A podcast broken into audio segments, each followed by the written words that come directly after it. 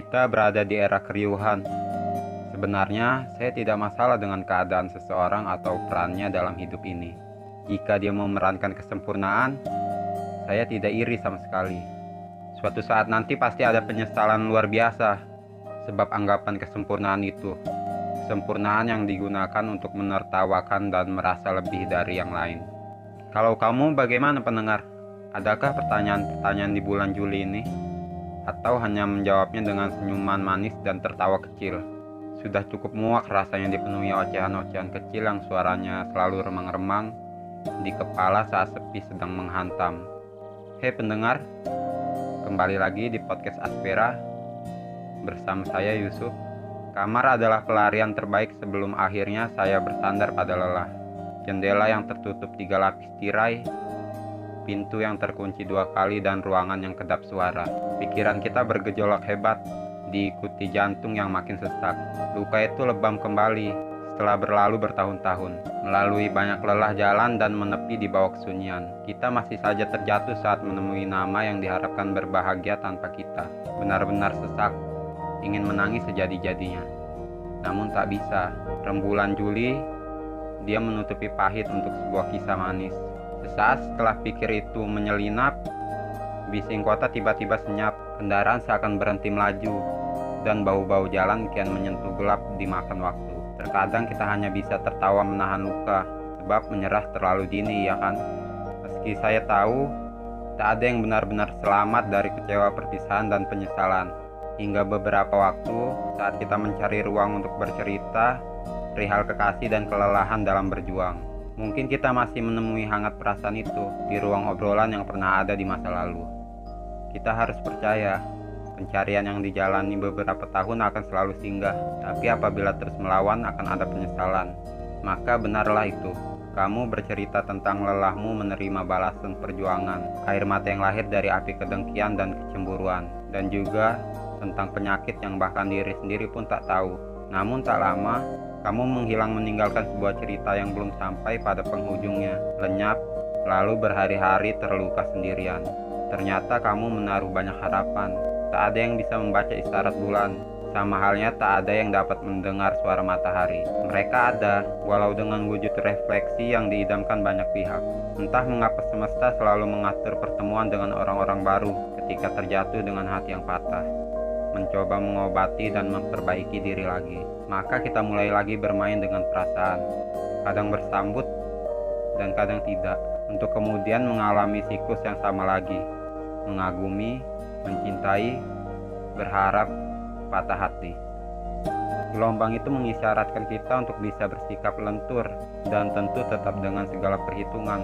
Seumpama kita sedang berlayar di lautan, tentu kita yang harus menyesuaikan diri pada cuaca, memperhatikan situasi dan kondisi. Bagaimana agar kapal kita tetap berlayar tanpa harus ditelan gelombang, lalu tenggelam, sampai pada tujuan dengan selamat.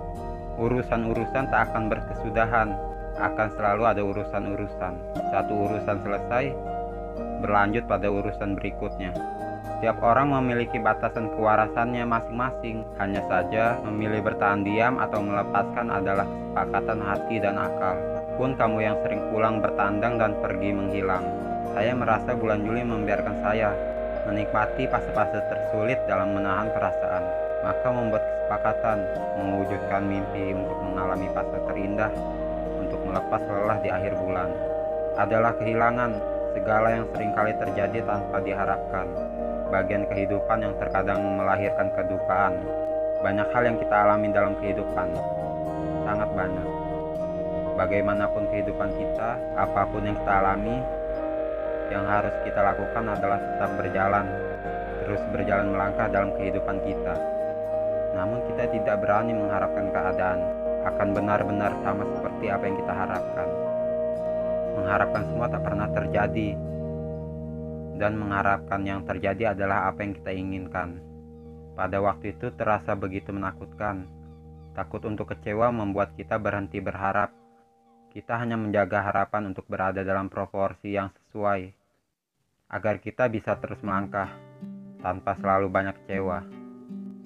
Namun ternyata setelah melangkah dan terus melangkah sekian lama, kita masih belum sampai di tempat tujuan. Terselesaikannya masalah tersebut. Setiap kali harapan menipis, maka godaan untuk menyerah menjadi semakin besar. Saya belajar satu hal yang sangat penting, menikmati kondisi keterpurukan, sambil terus mencari kebijakan yang tersimpan di dalamnya, agar semua itu tidak lewat begitu saja.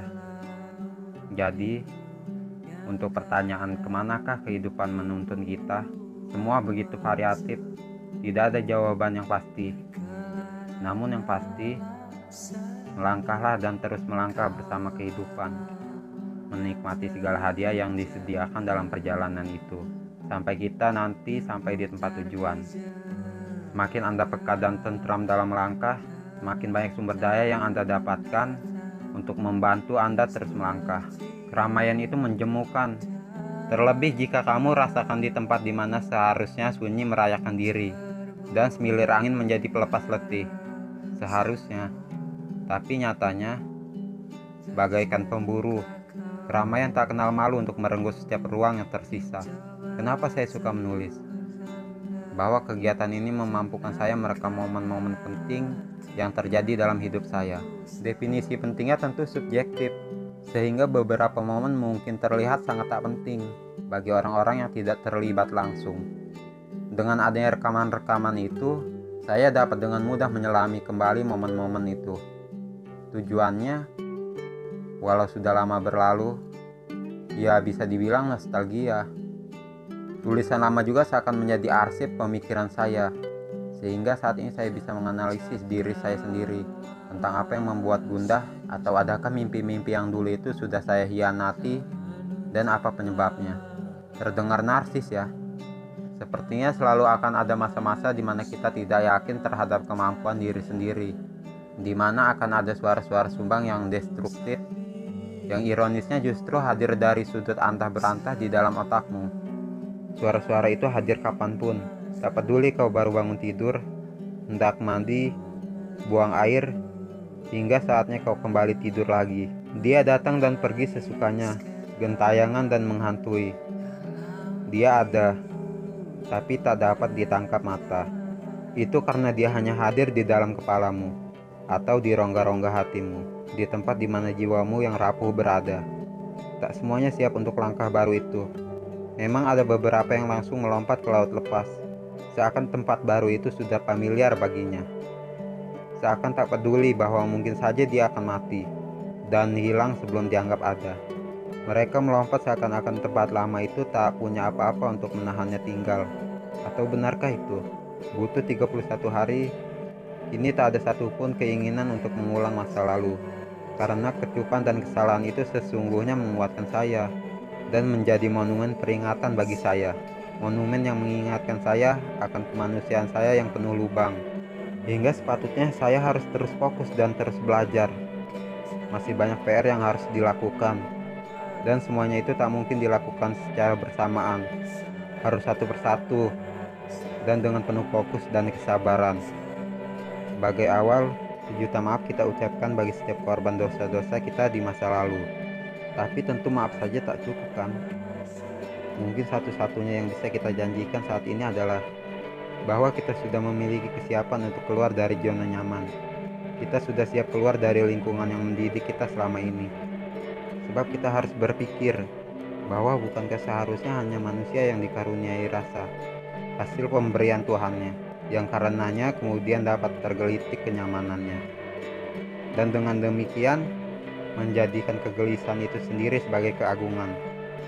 Bukan bukan pujian mereka yang akan dirindukan, pujian yang menyejukkan, yang membuat telinga memanjang, naik ke langit ketujuh kali tujuh sama dengan 49.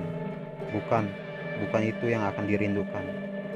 Tapi kepada pertanyaan yang menjemukan, teriakan dan ramalan akan sebuah kegagalan, dan kepada nyanyian bertengah malam, sebuah proses pendewasaan mimpi menuju kenyataan, maupun dengkuran penuh kasihan. Terima kasih kepada Sang Maha Kuasa atas segala berkahnya, agar kelak kita nanti, kita menjadi tua, tak menjadi kakek atau nenek tua yang garing. Karena ya, pada dasarnya kita punya banyak cerita, untuk dibagi kepada anak cucu kita.